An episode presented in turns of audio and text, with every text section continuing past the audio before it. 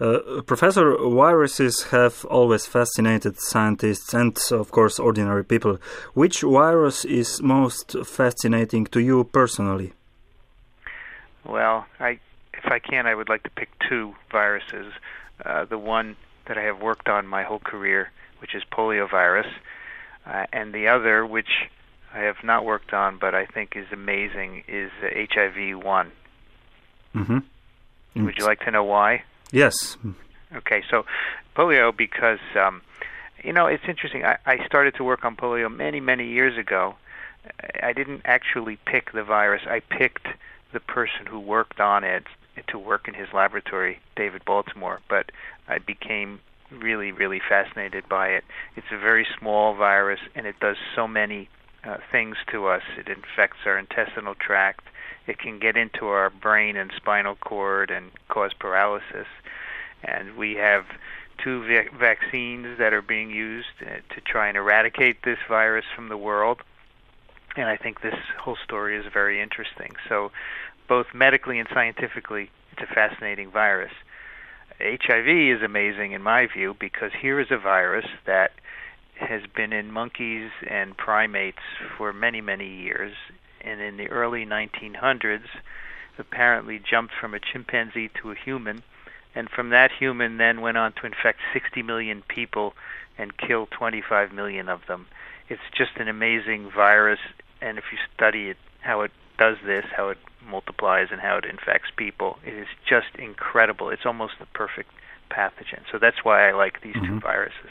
Uh, lately, a very popular question is when the next big viral epidemic emerge. Which viruses are candidates for it? Which virus is most dangerous in your opinion? Maybe influenza, Ebola, or something else? That's a very interesting question that many people are clearly fascinated by, and uh, you know, a lot of people think the avian influenza viruses are poised to um, make another pandemic.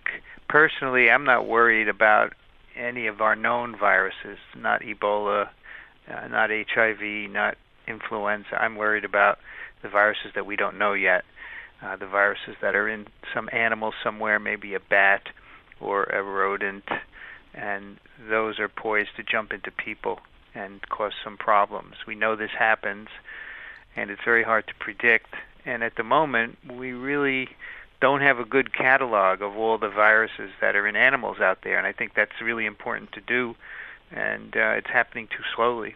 So that's what, I, if if I had to pick something, I would say it's the unknown virus in some animal somewhere in the world. hmm Uh, American and Dutch uh, scientists recently succeeded to create more dangerous form of flu viruses found in nature. What is your opinion about this kind of research? Do you consider it is too dangerous to let them create those uh, viruses? Okay.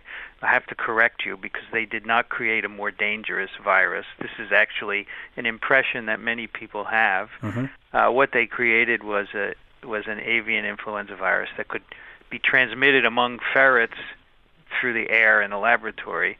And this virus turned out to be less dangerous than the virus they started with. But what it had gained was the ability to be transmitted through the air. I think these are really important experiments.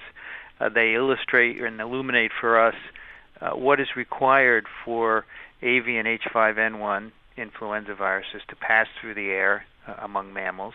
Uh, the results have told scientists a lot about how this process works, and I think that kind of work needs to be done, and it needs to be published and disseminated. Restricting it in any way is absolutely short-sighted and wrong, in my opinion. And I think if we don't do these kinds uh, uh, this kind of research, we're not going to understand these viruses, which is really important to be able to control them.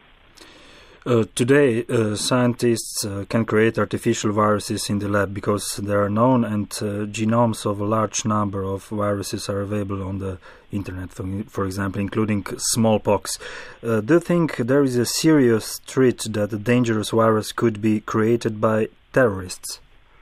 So, what we can do nowadays is to take the sequence of a virus, a known virus, and synthesize it and produce the virus in the laboratory. So, for a virus like smallpox, that's a problem because smallpox is deadly, and we no longer immunize uh, the globe against it. So, in a, in a way, this is a troublesome because um, someone could make the virus somewhere, although it's not it's not easy, and release it. And for this reason, the U.S. at least is stockpiling vaccines and antivirals against uh, smallpox. Um, I think there aren't many other viruses that could be used in this way. Smallpox is very lethal; it's highly transmissible. But many of the other dangerous viruses, like Ebola, just don't transmit among humans, so I don't think they would be good uh, bioterror weapons. But I do think that the the likelihood of this, say, smallpox being used as a bioterror weapon is very low, whereas the ability to study viruses by having their sequences in, in public databases is really important. So you always have to balance the pros and cons when you consider these issues. And in my view, the ability to do research on these viruses far outweighs uh, their lethality as a bioterror weapon.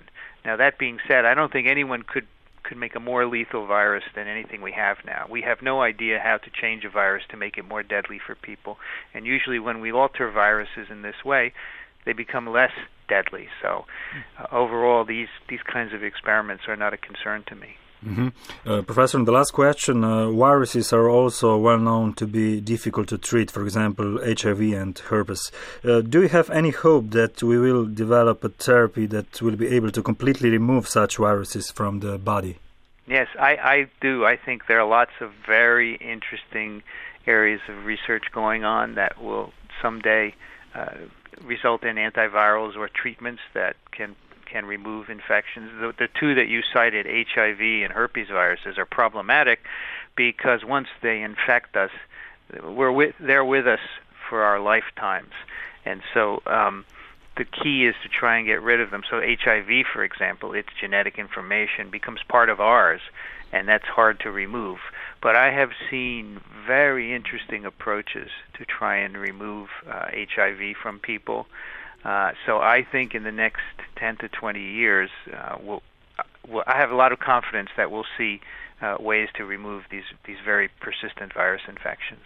Mm-hmm. Professor, thank you, thank you very much for your time and uh, for this interview. My pleasure, and those are all very good questions.